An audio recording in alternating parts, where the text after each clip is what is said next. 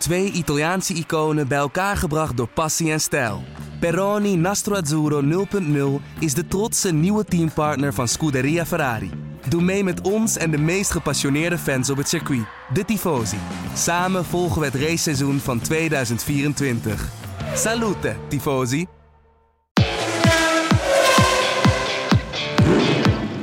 Dit is de Formule 1-podcast van De Telegraaf. Erik van Haren en Christian Albers praten hierbij over het belangrijkste Formule 1-nieuws. Oké Chris, daar zitten we weer. Jij weer in je schitterende, schitterende kantoor in Monaco, zie ik. En ik zit uh, in Moskou inmiddels. Ik denk toch nog even dat Russische sfeertje meepakken daags na de race. Ik hoorde ze honger hebben achter, op de achtergrond bij of niet? Ja, het, is, het komt weer allemaal prof, professioneel over, denk ik. Zit je bij Buffet? Ik weet, niet of jij dit, ik weet niet of jij dit vliegveld een beetje kent. Nou, als je een stappenteller hebt, uh, doe je geen slechte zaken. Man, man, man. We hadden elkaar net aan de lijn, dus zat ik in een trein. Dus dan weet je hoe het gaat. Maar goed, we zijn er. Jij, ben, uh, jij bent er net degene die het niet hoeft te missen, zeg maar. Dat extra beetje gewicht. Nee, precies. Dat zit er niet, dus, zit er niet aan bij jou. Nee, nou ja, wat dat betreft hadden we misschien beter de rollen om kunnen draaien. Maar, maar dat, je zit wel heel dicht bij het buffet. Dus op dat opzicht, als ik dat lawaai hoor van die borden en zo wel. is niet zo groot. Hier, naast me wordt champagne ingeschonken. Ik zou zeggen, schenk hier ook maar even bij. Uh, hoe is het met je? Goed, leuke dag gehad gisteren. Ik weet niet wat jij ervan vond, maar ik vond het een uh, geweldige race. Nou, fantastisch. Ik vond ook in het droog vond ik het al een leuke race, moet ik zeggen. Uh, maar ja, die laatste paar, vijf, wat was het, vijf rondjes, dat was natuurlijk fenomenaal. Ja, vier um, of zo, dacht ik. Hè? Niet zo ja, veel vier, vijf, vier, ja. vier of drie of zo. Ja. Je zag dat uh, de mannen die eigenlijk niks te verliezen hadden, met name Bottas en Russell bijvoorbeeld, dat die als eerste dus de, ja, de gok namen om op intermediates te gaan en daarna volgde er meer. Um, maar laat ik hem er gelijk even ingooien. Denk je dat Hamilton Norris nog had kunnen inhalen als het niet was gaan regenen?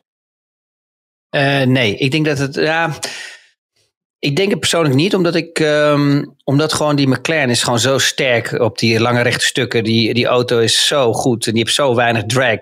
Dat is ongelooflijk hoe hard die auto loopt. Zelfs als, uh, als Lewis erachter achter rijdt met zijn, met zijn DRS gewoon vol open. Dan zag je gewoon dat hij er bijna niet bij kwam. Um, en daarbij uh, had ook uh, Norris, die had ook eigenlijk een, een verse set banden. Waardoor die dus ook, uh, ja, waar je eigenlijk een verschil kan maken als je als het ware naar binnen gaat en een nieuwe set banden haalt. Dan heb je nog wel de mogelijkheid om er dicht achter te rijden en, en, en inhaalacties te kunnen hebben. Uh, maar als je dat niet hebt en je, je bent ja, te lang, zit je achter iemand vast. Ja, dan verlies je gewoon zoveel downforce.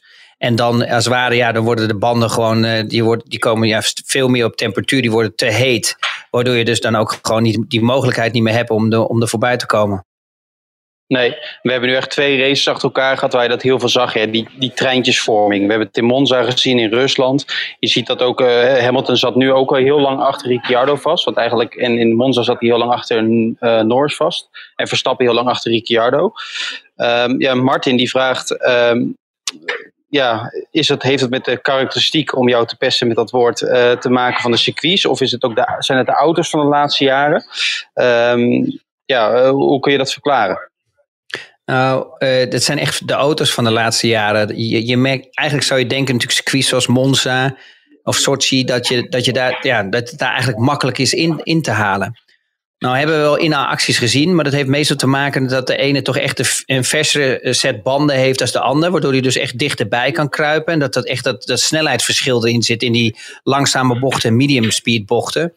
Um, ja. Dan, ja, dan heb je gewoon net even dat tikkeltje extra grip. En dan hebben die anderen echt een oude set banden. Waardoor ze echt ook heel veel grip verliezen. Ja, en dan merk je gewoon dat, um, um, dat daar dat verschil in zit. Waardoor ze kunnen inhalen. En, dan, en, en, en ja, ik was eigenlijk verbaasd over die twee circuits. Dat er minder werd ingehaald. Uh, omdat het natuurlijk zulke lange rechte stukken zijn. Maar dat laat maar zien dat, men, dat de, de, de auto's met veel, of tenminste met weinig downforce rijden. Dus uh, niet zoveel drag hebben. Waardoor ze, uh, waardoor ze minder mogelijkheid hebben om echt er naartoe te lopen. Ja, want je hebt die treintjes dat iedereen DRS heeft. Maar ook de voorste, ja. dus die eigenlijk geen DRS heeft. Dat is ook niet zo dat die wel makkelijk werd ingehaald. Dus daar ligt ook niet alleen... Nee, maar het, pro het, probleem was natuurlijk dat de auto's die vooraan reden, dat waren natuurlijk die McLaren's. En die McLaren's die zijn gewoon qua drag, uh, efficiency, dus zo min mogelijk uh, weerstand hebben zij op het rechte stuk. Ja, dat is, dat is gewoon echt een hele goede auto voor dit soort circuits. En je, je zou straks wel gaan zien als je naar circuits gaat um, waar minder lange rechte stukken zijn en meer ja, bochten zijn. Um, dat, je de, dat McLaren een stukje terug zou gaan vallen uh, vergeleken met de rest qua performance. Ja, over de start van de race uh, ben je het me eens dat Hamilton en Verstappen allebei, dat zei ze ook allebei, dus het is makkelijk om dat op te werpen, maar dat ze toch, ze zitten natuurlijk allebei in die titelstrijd, dat ze niet het, het risico nemen om schade te rijden. Natuurlijk heb je dat niet altijd zelf in de hand, maar ze deden daar, ze namen niet daar alle risico's om op plekken te winnen. Hamilton verloor er zelfs drie uit mijn hoofd. Um, dat dat nu toch gaat spelen in, in een titelstrijd, dat je niks kan veroorloven. Bij de start win je natuurlijk geen race, maar kun je hem alleen verliezen. Ja, maar ze hadden beide ook eigenlijk een super slechte start. Zoals Lewis Hamilton had echt een hele slechte start. Um, maar uh, uh, Max ook. Misschien lag dat eraan omdat Max uh, als als laatste eigenlijk de, de grid sluit. Hè, dat het zo snel dat, dat, dat die lichten aangaat. Dat hij eigenlijk zijn hele procedure om zeg maar in zijn, in zijn één te zetten. Hè, en dus al die elektronica op af te stellen om de ideale start te krijgen. Dat je daar bijna geen tijd voor hebt. Dat is echt wel heel maf. Want als je dan, daar ben je eigenlijk helemaal niet gewend. Als je, als je achteraan eh, aansluit en je komt op de grid, nom, normaliter, er staat iemand gewoon eh, bijna een halve minuut of uh, 20, 30 seconden te wachten. Wat als gevoel als coureur bijna vijf minuten is. Slaat echt nergens op hoe lang het is. En, en nu sluit hij achteraan aan en is gelijk meteen de start. Dus uh, dat was voor hem denk ik ook een beetje moeilijk. Maar je zag dat hij daar ook al best wel wat verloor. Maar ja, dan heb je het hele veld als voor je rijdt als een slipstream. Als een soort ja, windscherm. Waardoor hij natuurlijk zo hard kon, uh, kon gaan op het rechte stuk. Ja, en dan zie je Lewis die, uh, die ook heel voorzichtig doet. Omdat ja, natuurlijk die mannen vooraan die hebben niks te verliezen. Ja, nee, ik denk dat ze het allebei goed hebben gedaan. Snapte jij de strategie van Red Bull? Want natuurlijk in eerste instantie was de bedoeling Verstappen op die harde band, we laten hem lang doorrijden, hè, zoals bijvoorbeeld Alonso wel deed. Uh, maar ze haalden hem naar binnen eigenlijk vrij snel op die mediums. Maar het was wel leuk om te horen hoe hij die discussieerde met uh, Giampiero, hè, jou ook uh, goed bekend. die hem zei van we hebben het juist gedaan omdat je anders weer helemaal terug in verkeer zou komen. En dan zou je weer ja. iedereen moeten inhalen. Dus als je het zo, ik vond het wel leuk om te horen, want Verstappen die, vroeg, die werd natuurlijk op een gegeven moment ingehaald door Alonso. Die dacht weer wat gebeurt mij nou? Maar GP legde uit waarom ze dat hadden gedaan. Kon je dat volgen? Ja, maar dat, eh, aan de pitwall zien ze natuurlijk het beste waar een gat zit. Hè? Waar geen verkeer rijdt, waardoor hij de snelste ronde kan rijden. Uh, in vrij verkeer op zijn nieuwe set banden. En daar win je heel veel tijd mee. En daar win je ook posities mee. Want je zag hoe moeilijk het is. Kijk, Max kan in het begin natuurlijk wel mensen inhalen. Maar op een gegeven moment kom je terecht in, in het veld waar de auto's meer competitief worden. En des te competitiever de auto's worden voor je, des te moeilijker het steeds wordt om in te halen. En des te ouder ook je banden worden, die je eigenlijk al ja, behoorlijk op een sodemiet hebt gegeven, uh, uh, omdat je achter andere auto's continu gereden hebt. Dus um, uh, ik denk persoonlijk dat hij niet verder door kon, door kon gaan. Dat de rondetijd met ook wat minder op die harde band op het einde. Hè. Hij ging wel door die graining heen. Hè. Die graining wil zeggen eigenlijk dat die band slecht wordt. Hè. Dat rubber wordt slecht, het wordt hard. En dan op een gegeven moment veegt hij zichzelf weer. Hè, zien we de laatste tijd bij Pirelli dat het in één keer weer weggaat. En dat je dus eigenlijk er doorheen rijdt als het ware. Dat dit weer beter wordt. Um, maar dan zit je natuurlijk, heb je natuurlijk ook uh, GP op de pitwall. En je hebt natuurlijk het hele team en de strategie. Die kijken natuurlijk van oké, okay, waar, uh, als we hem door laten rijden dan komt hij misschien in verkeer als je weer naar buiten komt met nieuwe banden. En daar win je echt gewoon, zeg maar, één, ja, zeg maar anderhalf, twee seconden per rondje. Kijk, als je dan natuurlijk in een race natuurlijk gewoon vier, vijf seconden in twee rondjes goed kan maken. Die wil je natuurlijk een vrije baan hebben, want anders gooi je die vijf seconden weg. En die vijf seconden geeft er misschien wel die drie, vier posities of twee posities. Ja, duidelijk verhaal. Um, ja, ik vind, als we nog even naar het laatste gaan, die, die laatste vier, vijf rondjes, als het dan gaat regenen, dan, dan is het eigenlijk mooi hoe dat allemaal samenkomt. Hè? Want uh, het ene team verwacht dat het zo een beetje blijft miseren. Het andere team denkt, oh, het gaat wel harder regenen. Hè? Die kregen dus geluid. Je hebt natuurlijk de input van de coureur, die heel belangrijk is. Want die rijdt rond en bij de pitmuur zie je maar op één gedeelte van het circuit of, of het hard regent. Wat is nou, is het dan de, hoe zou ik het zeggen, de samenhang tussen coureur en team die doorslaggevend is? Of is het op dat moment juist de coureur die doorslaggevend is of het team? Uh, jij hebt ja, natuurlijk zelf ook in die situatie gezeten. Maar ja, het is altijd een beetje 50-50. Maar op een gegeven moment als een team toch echt zegt... joh, we moeten op uh, intermediates gaan... dan moet je het ook echt aannemen. Want he, ja. um, zoals die situatie... om alleen die situatie van uh, Norris te pakken... Um, je zag gewoon dat hij gewoon echt nog een ronde te lang doorging. Hè? Dus uh, Lewis kwam naar binnen. Ja. Hij kon in principe nog die ronde doorzetten. Dat hij nog voor Lewis misschien eruit kwam. Ehm, maar hij ging nog een ronde door. En dat was echt, dat was echt uh, ja, desastreus voor hem. Dat, dat was echt een, grote fout. En het team kan natuurlijk zien gewoon, oké, wat doet Bottas? Wat doet Russell? Wat voor intermediate, uh, wat voor tijden rijden ze? Weet je, wat voor sectoren tijden? Ga zo maar door. En daarop kunnen ze natuurlijk de beslissing maken. En helpt natuurlijk de creur die in de auto zit. Um, maar je ziet ook, als op een gegeven moment die banden ook zo oud zijn. En die banden waren op een gegeven moment bijna weer 15 of 16 ronden oud. Ergens uit mijn hoofd, of 20. Um, ehm, dan zie je ook dat die banden, die worden ook op een gegeven moment heel hard. En dan is het, als het op een gegeven moment gaat regenen, dan koelen ze heel snel af. En het is heel moeilijk om daar temperatuur in te krijgen. En als je dan banden hebt, bijvoorbeeld die 2, 3, 4 rondjes oud zijn, dan is het makkelijker om die grip te vinden. Dus het, des te ouder de banden worden en als het dan een beetje gaat miseren of het gaat regenen, dan koelen ze heel snel af. En dan, dan is het toch gewoon net alsof je op een ijsbaan rijdt. Het is zo moeilijk voor een coureur om die auto op de baan te houden. Nou ja, dat hebben we ook allemaal, allemaal gezien. En hij heeft daardoor wel gewoon echt zijn overwinning weggegooid. En, en dat heeft echt te maken gewoon denk ik ook met ervaring. En ook. Ja, maar moet het, moet het team, als ik even onderbreek, moet het team dan niet gewoon zeggen: jij komt naar binnen? Want ze vroegen het aan hem. Maar bij Mercedes zei ze tegen Hamilton: jij komt naar binnen. Want Hamilton had hem daarvoor zelf um, afgewezen, zeg maar, die call. Die bleef door. Ja, maar het is een andere situatie. Want Hamilton ligt op P2 en die volgt gewoon P1. He, dus die heeft niks te verliezen. Dus die, die, die volgt. Ja, dus, ja. ja. Dus die volgt intuïtie, of die volgt gewoon altijd, dat is altijd de afspraak in de auto natuurlijk, dat je altijd kijkt wat de ander doet. Als de ander naar binnen gaat, dan kan je altijd nog de beslissingen hebben op droog dat je één ronde doorgaat. Dus het is een beetje uh, koffiedik kijken. Maar uh, je hebt wel gelijk, het team had daar ook keihard in moeten zijn. Te weten dat Norris natuurlijk nog niet zo die ervaring heeft zoals de anderen. Maar je zag ook bijvoorbeeld Lewis, met alle respect, die dacht ook dat hij door kon rijden. Maar die liet zich natuurlijk ook mee. Uh, je, je, ziet het meestal hè, schaapachtig. Hè, iedereen volgt de ander. En, en voordat je het weet, weet je, blijf je allemaal op de baan en verlies je tijd. En dan, ja, en dan heb je natuurlijk coureurs erbij zitten en teams die niks te verliezen hebben, hè, die er achteraan liggen, zoals hè, Russell of Bottas. Ja, en, en voor Max kwam het ook gewoon perfect uit. Want je zag dat Max steeds meer posities ging verliezen. Omdat gewoon die banden oud werden. Die mediums die konden dat gewoon niet aan op het einde. En, en dat heeft hem wel geholpen naar de tweede positie.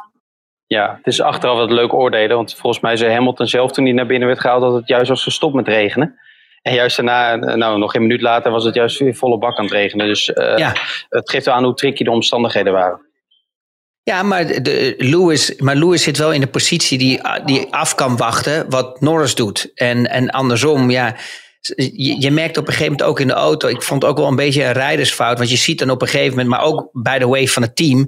Het is een beetje een 50-50 situatie. Je ziet op een gegeven moment iemand zijn sectortijd zo gigantisch langzamer zijn. Dan moet je gewoon ingrijpen en dan moet je hem naar binnen halen. Ja, ja. En je zegt over Verstappen. Ja, ik denk dat hij niet meer had ingezeten dan P7. Onder normale omstandigheden. Ga je nu je shirt uitdoen? Of? Ja. ja, Christian Albers, die krijgt het er warm van. Die doet inmiddels even zijn shirt uit. Ik, hoop dat je wel dit t-shirt aanhoudt, maar dat uh, opnieuw terzijde. Uh, maar Verstappen, ja, meer had er niet uitgezeten, uh, ingezeten dan, ja, uitgetrokken, maar ingezeten dan plek 7. dus voor hem kwam het natuurlijk ook geweldig uit. Maar je moet, hij zei, ik, zei, ik vroeg aan hem van, voelt het dan als een vervoegd verjaardagscadeau dat die regen naar beneden komt? hij zei ja, aan de ene kant wel, maar je moet hem, aan de andere kant je moet die kans ook wel benutten. Er waren natuurlijk ook teams die te laat naar binnen gingen. Je zag ook Alonso, die reed op P3 op een gegeven moment. Die valt dan toch weer terug naar P6. Ja, maar je ziet toch vaak dat Mercedes ehm, uh, vergelijkbaar met Red Bull, dat Mercedes daar toch iets langzamer is in dat soort beslissingen. En dat Red Bull daar toch meer bovenop zit. Hè? Dus, dus blijkbaar bij de strategie en bij Red Bull aan de, aan de pitwall hebben ze gewoon toch iemand zitten die gewoon echt gewoon oplet naar de situatie. En die dat gewoon beter voor elkaar heeft uh, als team zijn dan vergelijk, vergelijkbaar met, met Mercedes. En dat, en dat was de pluspunt uh, voor, voor Max dit, uh, deze race. En ja, je zag ook gewoon natuurlijk toen uh, Lewis aankwam bij Park Vermee. En toen zag, die, zag je ook na, naast hem kijken de hele tijd van wie komt er naast me staan, wie komt er naast me staan. En op een gegeven moment stond Max daar. Ja, dat was natuurlijk ietsje minder. Nee, hij vroeg over de poortradio al van, uh, of kreeg hij te horen wat, uh, of nee, hij vroeg wat, wat, wat de rangschikking was achter hem. Met hoorde je natuurlijk als eerste Verstappen P2. Toen bleef het daarna bleef het uh, oorverdovend stil. Maar ja, dit was voor Mercedes natuurlijk het moment om Lewis te laten winnen. Want ze winnen altijd in Sochi. Nou, dat, dat is gelukt. Maar als je dan Verstappen naar een motorwissel van 20 naar 2 uh, ziet gaan, dan is het natuurlijk eigenlijk een dramatisch. Want ik verwacht dat Mercedes ook nog wel een motor moet gaan wisselen bij Hamilton. Ja, dit is, dit is niet waar ze op gerekend hadden. Ehm, maar het was wel een circuit voor Max, het juiste circuit om dit te doen. Omdat het natuurlijk een circuit is waar je kan inhalen. En waar je wat kan, kan, kan ja, laten zien en waar je ook met strategie dat, je, dat je echt wel in die top 5 kan eindigen. Dus ik zag Max wel in die top 5 eindigen. Want kijk, als we nou eens gewoon heel realistisch blijven. Ik bedoel, ja, welke auto's kunnen, kunnen tegen, tegen de Mercedes en tegen de Red Bull opboksen? Dat zijn er niet veel, om heel eerlijk te zijn. Als ik zag bijvoorbeeld bij Ferrari, hè, die hadden ook echt niet um, de snelheid op de rechte stukken. Uh, en dat komt ook omdat ze gewoon met heel veel downforce rijden. En, en de motor eigenlijk nog steeds niet zo sterk is, vergelijkbaar bij de Honda en, en, en de Mercedes. Ja, de, de, echt het enige team wat gewoon sterk was, waar als die ervoor komen, dat je een optocht krijgt, zijn er twee McLaren's. En dat, en dat zie je maar weer met Formule 1, hoe verraderlijk dat kan zijn. Dat als je in één keer Lewis Hamilton in, in het midden van de race in één keer alleen ziet rijden, wat voor rondetijden die door, er echt inknalt, dat hij gewoon iedereen verplettert. Ja, maar dat ziet bijna niemand meer. Maar ja, het is ongelooflijk hoe hij dat gat dicht naar, uh, naar, naar Norris. Als je dan weer gaat kijken natuurlijk hoe uh, sensitive, hè, dus hoe gevoelig die auto is in het verkeer met turbulentiewind. Ja, dan werkt die Mercedes dus echt voor geen meter. Die heeft er dus minder last van als dat de Red Bull, als dat Max Verstappen daar last van heeft. Ja, je zag bij Verstappen ook even toen hij even vrije lucht had, zeg maar, dat hij ook een paar keer achter elkaar die snelste rondes uitstampte. Hè? Dus dan zie je inderdaad eh, dat je, eigenlijk, dat je dan echt kan, pas kan trappen en de snelheid dat je uit de auto kan, kan halen. Ja, dat betekent um, dus dat je, je gewoon steeds meer naar die strategiekant toe gaat, weet je wel. Dat die teams ja. ook gewoon weten dat het bijna onmogelijk is om, om in te halen. Over strategie gesproken, is, um, daar kreeg je ook wat vragen over, over Bottas. Er was natuurlijk veel om te doen. Uh, die weer een nieuwe motor kregen, net zoals in Monza, dus ook achteraan moest beginnen. Uh, Mercedes, dat is zo grappig. Mercedes zei ochtends eerst dat het een tactische keuze was. Maar dat kun je natuurlijk twee kanten op redeneren. Want Toto Wolff zei later uh, dat er echt wel een probleem met die motor was. Dat ze het uit voorzorg deden. Want ze waren daar toch niet helemaal gerust op. had je verwacht dat hij Verstappen iets langer op zou kunnen houden? Want hij zat op een gegeven moment voor Max. Maar bij de eerste, de beste poging was het raak. Hè? Was Verstappen er langs. Nee, ik geloof ook dat het gewoon het, het tactisch was. Het, had niks te maken dat ze Bottas expres een motor lieten wisselen om bij Max te komen te staan. Want ik zie helemaal geen voordeel daarin. Je kan, want het risico is veel te groot dat Max een goede start heeft. En dat Bottas een slechte start heeft. En is het gelijk klaar. dus je wilt eigenlijk altijd dat je, je coureur meer vooraan staat. En je kan hem natuurlijk ook opvangen. Want wat was Bottas in de kwalificatie? 7 of zo? Dan kun je hem ook natuurlijk daar nog opvangen. Op ja, maar dat was ook veel beter geweest. Maar ik denk dat ze gewoon een probleem hebben gezien in de motor. En ze hebben gewoon gedacht, het is heel simpel. Dit is het beste om uh, zo min mogelijk risico te nemen dit is een circuit, dan staat hij ook nog voor Max. Maar dan is hij in ieder geval bij de circuits waar het wat minder is, kan hij in ieder geval Lewis Hamilton gaan helpen. En die mogelijkheid heb je niet meer als je natuurlijk bij die circuits nog een keer motor moet wisselen. Dus ik denk dat ze dat gewoon correct hebben gedaan. Alleen dan krijg je natuurlijk allemaal weer van al die waanideeën van heel veel met tactisch en dat ze op willen houden. Maar als je gewoon heel normaal logisch nadenkt, dan weet je gewoon, ja luister eens, als je Bottas, als je tactisch doet, is het levensgevaarlijk natuurlijk. Want als Max een goede start heeft, ja, dan is hij er gelijk voorbij. Correct of niet? Dus ja, je wilt hem liever op P7 hebben. Het zijn geen waanideeën, want Mercedes zei ochtends zelf in het communiqué dat het een tactische beslissing was. Ja, maar, Alleen, ja, maar het ligt eraan hoe jij... Kun je, op twee, kun je op twee manieren interpreteren. Ja, ja jij dus- interpreteert hem uh, anders nee, dan dat zij hem interpreteren. Nee, want ik interpreteer hem eh, omdat daarna worden ook gelijk al van eh, mensen om uh, goed, uh, natuurlijk ook wel de lijntjes met Mercedes, dat er echt wel een probleem met die motor was. Maar veel Nederlanders met name geloven dat natuurlijk niet. Maar wat zij, wat zij bedoelen, heel, heel simpel, met tactisch, is dat tactisch heeft te maken, is dat ze natuurlijk willen dat de andere circuits, waar Max gewoon heel sterk is, en, en, en, en kortere circuits waar je moeilijk kan inhalen, dat hij daar geen penalty gaat krijgen van zijn motor. Dus dan kunnen ze hem beter nu incasseren, dat hij altijd de hullepiet is van, um, van Lewis Hamilton, als andersom. De hullepiet, kijk, dat ja, zijn nog een sterren. Dat is wel leuk toch? Hij, hel hij helpt, ja, dat is een beetje de hullepiet. Alleen het probleem is. In december. Alleen het probleem is natuurlijk dat gewoon Max Verstappen er gewoon ja, altijd voorbij komt. En je ziet dat gewoon Bottas gewoon niet echt de racekwaliteit heeft zoals Max en Leclerc en Lewis en Alonso. Die fight spirit is er helaas niet bij Bottas. Maar hij is er wel in de qualifying. En, ja, elke seconde dat hij Max op kan houden is weer een seconde in de tas voor Lewis. Daarom, daar hebben we het ook vaak over gehad. Uh, over Alonso gesproken, die komt eigenlijk wekelijks terug. Misschien kan uh, hij en onze producer daar een keer een, uh, jingle van maken. Sven die vroeg, wat doet Alonso anders dan, dan anderen tijdens slicks toen toen de baan een beetje nat werd? Want volgens mij haalde hij toen Ricciardo, Sainz en Perez in. Toen lag hij in één keer derde. Ja, hij is gewoon sterk in dit soort omstandigheden.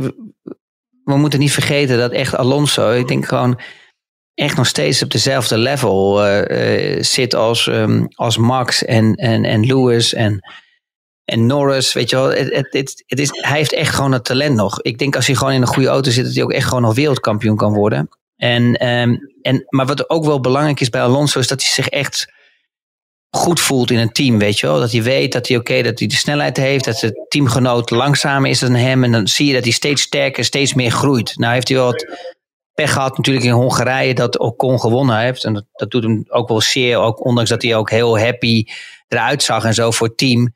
Maar dat doet als coureur natuurlijk altijd pijn. Natuurlijk dat de, dat um, de teamgenoot gewonnen heeft en, en jij niet. Hetzelfde uh, is het natuurlijk het geval bij uh, Ricardo en bij Norris. Maar hij heeft gewoon dat talent en hij voelt dat gewoon aan. Het is gewoon een aparte, ja, een klasse apart. Ja. Dat heeft hij gewoon. Ja. Dus dat, dat, is, dat is nou het verschil in talent en in coureurs.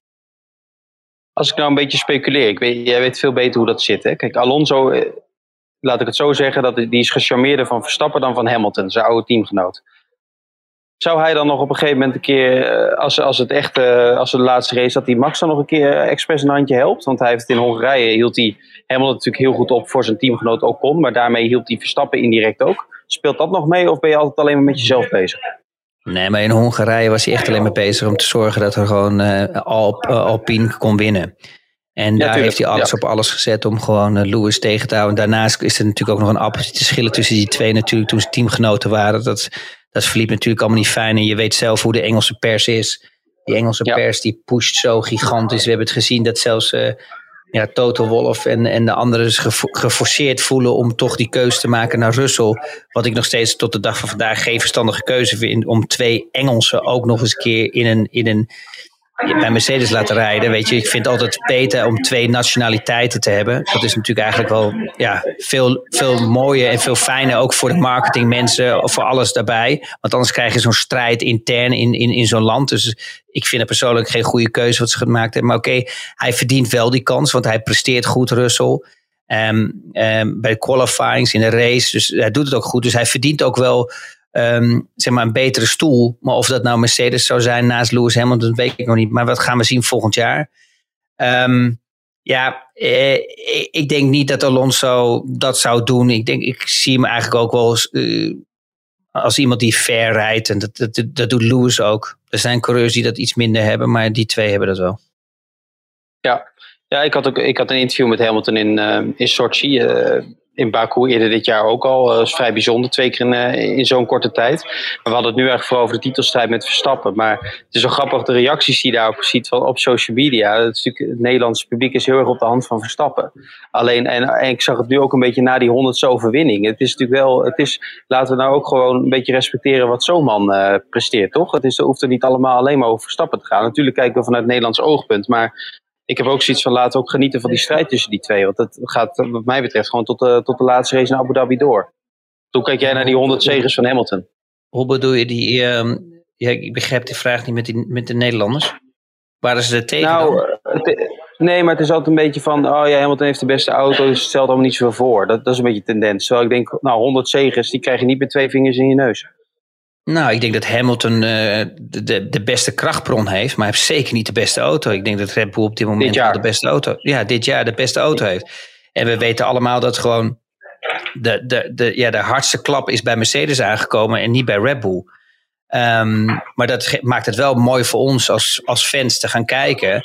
Um, na een seizoen Um, ja, Ross Braun heeft wel uh, zijn job goed gedaan. Die heeft gekeken van oké, okay, waar kan ik de andere afstraffen om de ander dichterbij te laten komen? Nou, dat is gebeurd. Ja. We hebben een super. Het is goed om af en toe nog te herhalen, want uh, dat, veel mensen weten dat helemaal niet meer. Ja, maar, en dat, en dat wordt ook heel vaak ja, niet niemand, in heel veel andere media niet genoemd. Maar... Nou, dat klopt, dat klopt. Maar, dit, maar de penalty van Mercedes is natuurlijk veel groter uh, dan, dan, dan Red Bull heeft. Uh, en dat is ook ja. de reden waarom het nu zo'n close gevecht is geweest. Maar als je gaat kijken naar de mechanische grip, is de Red Bull gewoon veel beter dan Mercedes.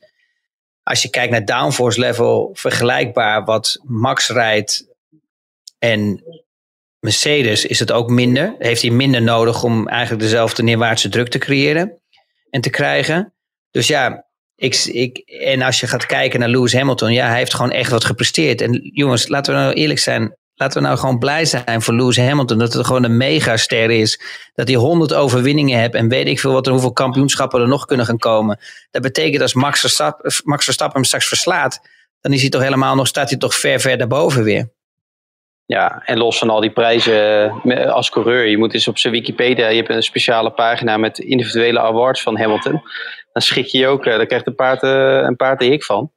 Wat hij allemaal heeft gewonnen, ook als je alleen al kijkt 2020, L'Equipe, Bielt, uh, noem, nog eens iets, alle grote kanten in, in de wereld noemden hem de sportman van het jaar. Dat is niet alleen maar omdat je, omdat je toevallig wereldkampioen wordt. Dan, dan, bereik je, dan heb je echt wel iets bereikt. Ja, maar hij is ook puur zo'n sportman. En sportman maken ook fouten. Zoals we dit gezien hebben dit weekend. Hè, hij maakte toch een fout met de qualifying toen hij de pits in kwam rijden. Uh, dat soort foutjes heeft Michael Schumacher ook gehad. Dus het blijft toch altijd nog steeds wel iets en menselijk. En dat vind ik ook wel weer mooi om te zien, weet je wel. Dat het geen robot is, dat die alles kan. Dat, dat, geeft, dat zorgt er ook weer voor dat als hij weer een, een prestatie neerzet, dat je het meer kan waarderen. Dat is hetzelfde als met, met Max, weet je wel. Ja, oké, je kan één keer een race hebben gehad elkaar geraakt hebben waar ik het niet met hem eens ben. Maar ja, met de volgende race, weet je wel, kan hij wel weer laten zien. Zoals deze race heeft hij gewoon weer fantastisch gereden. Ik bedoel, je moet maar op de baan blijven. Je moet die rondetijden erin rammen. Je moet precies het juiste moment weten wanneer iemand voorbij gaat. Dat je niet te lang erachter blijft. Ja, daar was Max gewoon dit, dit weekend gewoon superieur. En dan is het ook, ook alleen maar leuk om daarover te praten. Om, om, om daarover te spreken met elkaar. Van, kijk eens, het kan niet, hoeft niet altijd alleen maar als het ook een slecht resultaat is, dat je, dat je zegt dat het fantastisch is. Want dan, dan is het, eh, het goede resultaat valt in niet.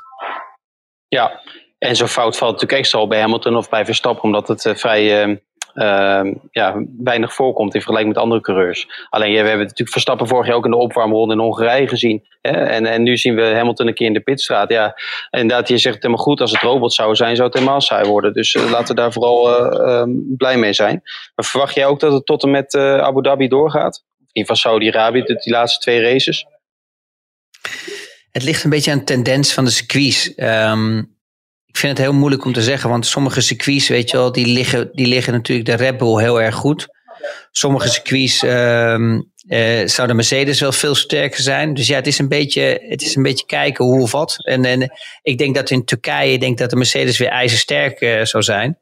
Vergelijkbaar met de Red Bull.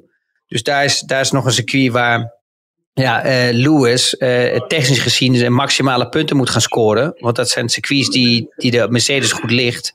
Want het is een beetje ja, medium high speed corners, lange rechte stukken. Dus daar zou Max het nog wel, uh, ja, toch wel uh, moeilijk gaan krijgen. Ja, en dan krijg je straks op een gegeven moment weer circuits die, uh, die beter liggen ehm, als, ehm, als voor, voor de Red Bull in plaats van de Mercedes. Zoals Denk Mexico dat, bijvoorbeeld. Ja, Mexico is natuurlijk dat, dat, Max. Dat zou toch het circuit eigenlijk waarschijnlijk zijn als Hamilton die motorwissel moet gaan doen, dat hij het daar doet. Lijkt mij, dat lijkt mij een logische plek. Uh, ja, we moeten eerst eens gaan kijken. Het kan ook best wel zijn dat ze, dat, dat ze er allemaal op gaan rekenen dat hij een motorwissel moet doen. Maar misschien moet hij die helemaal niet doen. Nee, zou kunnen. Ik zet mezelf af en toe even op mute, want er wordt hier weer uh, in het Russisch iets opgeroepen. Maar ik hoop, neem dat was. Was het niet, niet, niet? Ik hoop, niet, nou, ik, hoop niet dat, ik hoop niet dat het mijn laatste oproep is, want anders blijf ik nog wat langer in Moskou uh, dan ik zou willen. Ik denk dat jij dat niet zo erg zou vinden, maar dat... Uh, ik ja, niet hoor, uh, ik zou het wel gezellig vinden nee. in Moskou.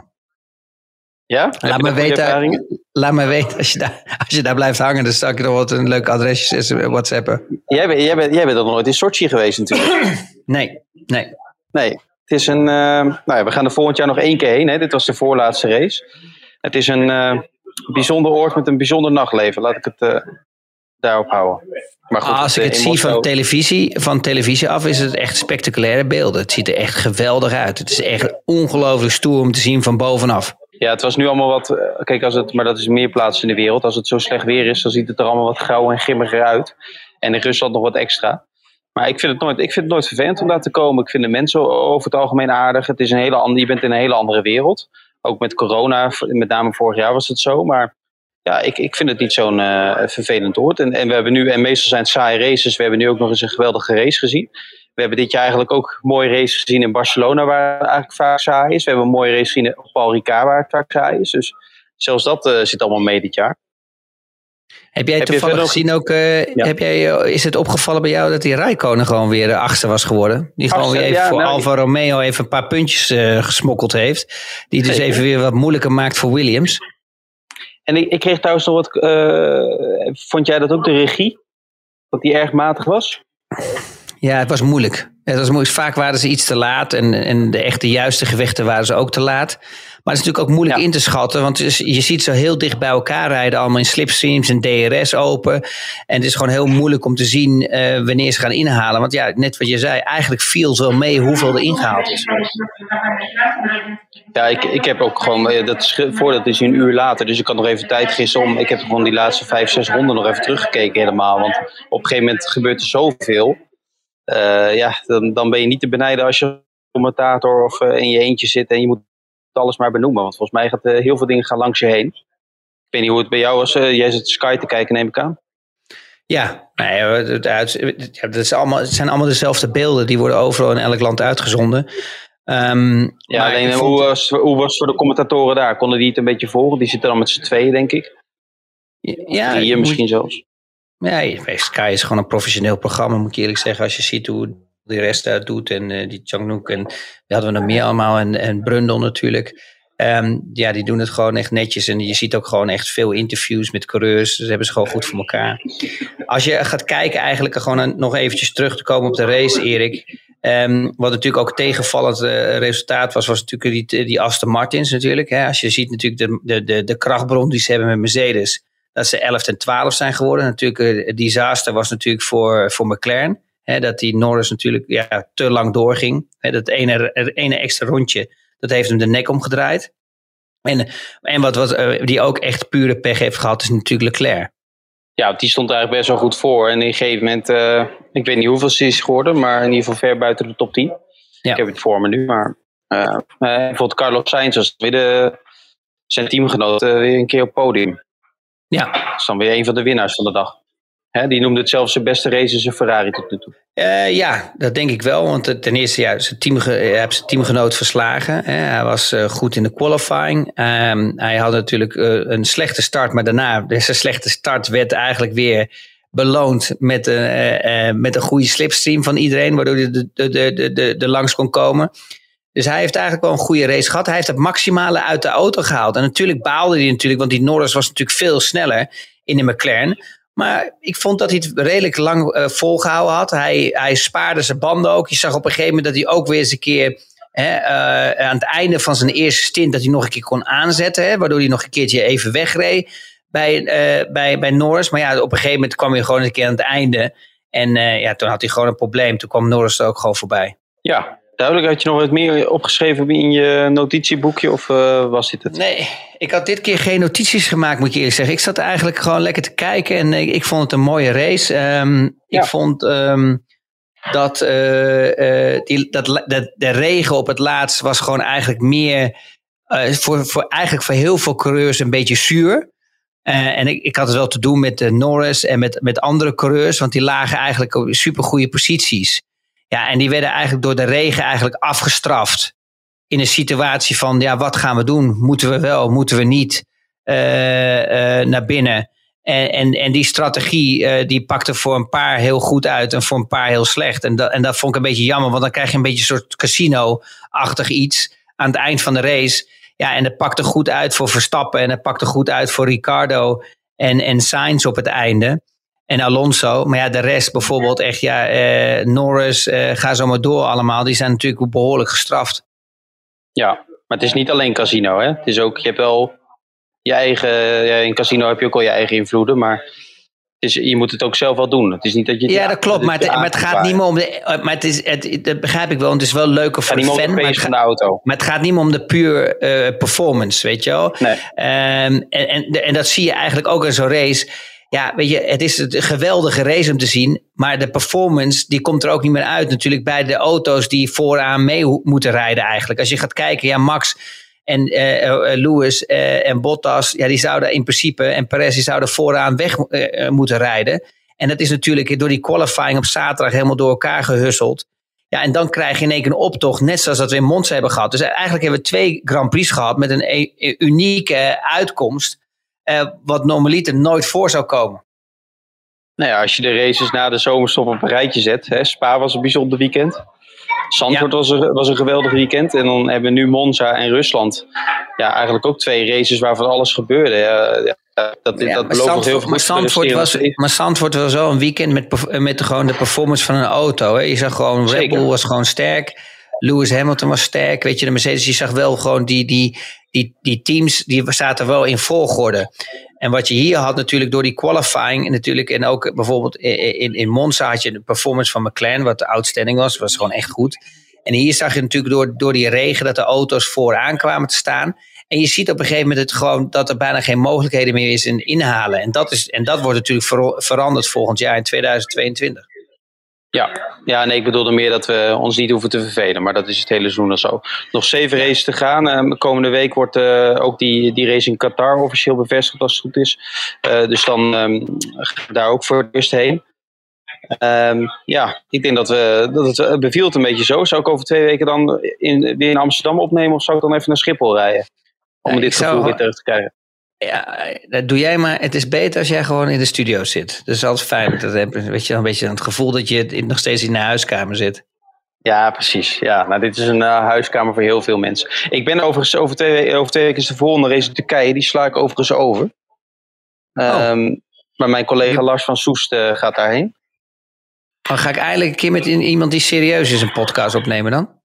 Nee, ik wilde je dat nog dat slechte nieuws tot nu, want ik doe wel gewoon een podcast met jou op maandag. Oké, nou ja, het is niet anders. Nee, dus, nou ja, maar ik heb, ik, ik, we maken er gewoon iets moois van, joh. Ik heb geteld. Ik, heb, ik ga natuurlijk het wel volgen dat weekend, maar het kwam, uh, het kwam zo uit. Dus uh, ik heb er 27 op rij gedaan nu. Dus ik sla er nu eentje over, maar de Telegraaf is wel gewoon goed vertegenwoordigd daar. Dus het komt allemaal helemaal goed. En uh, ja. ik kan een beetje de batterij opladen. Ga je iets leuk doen met je, met je vriendin? Nou, het was eigenlijk zo. Turkije zou eigenlijk volgend, volgend weekend al zijn. En ik heb een bruiloft, of in ieder geval een feest van iemand die vorig jaar getrouwd is. Ja. Uh, dus daar ga ik heen. Ik ga zeker nog wat leuke dingen doen. Mijn vriendin is donderdagjarig, hè? net zoals Max Verstappen. Dus uh, dat wordt uitpakken geblazen. Top. Gezellig man. Als je nog tips hebt, uh, dan babbelen we zo nog even door. Maar het lijkt mij voor mij verstandig om zo meteen uit te loggen en mijn vliegtuig te halen. Uh, Chris, dankjewel voor je tijd. En dat het even op deze manier kon. Dat waardeer ik zeer. Ik hoop dat, jij, dat het andersom ook het geval is. En ehm, ja, u bedankt voor het luisteren en tot over twee weken. Dankjewel.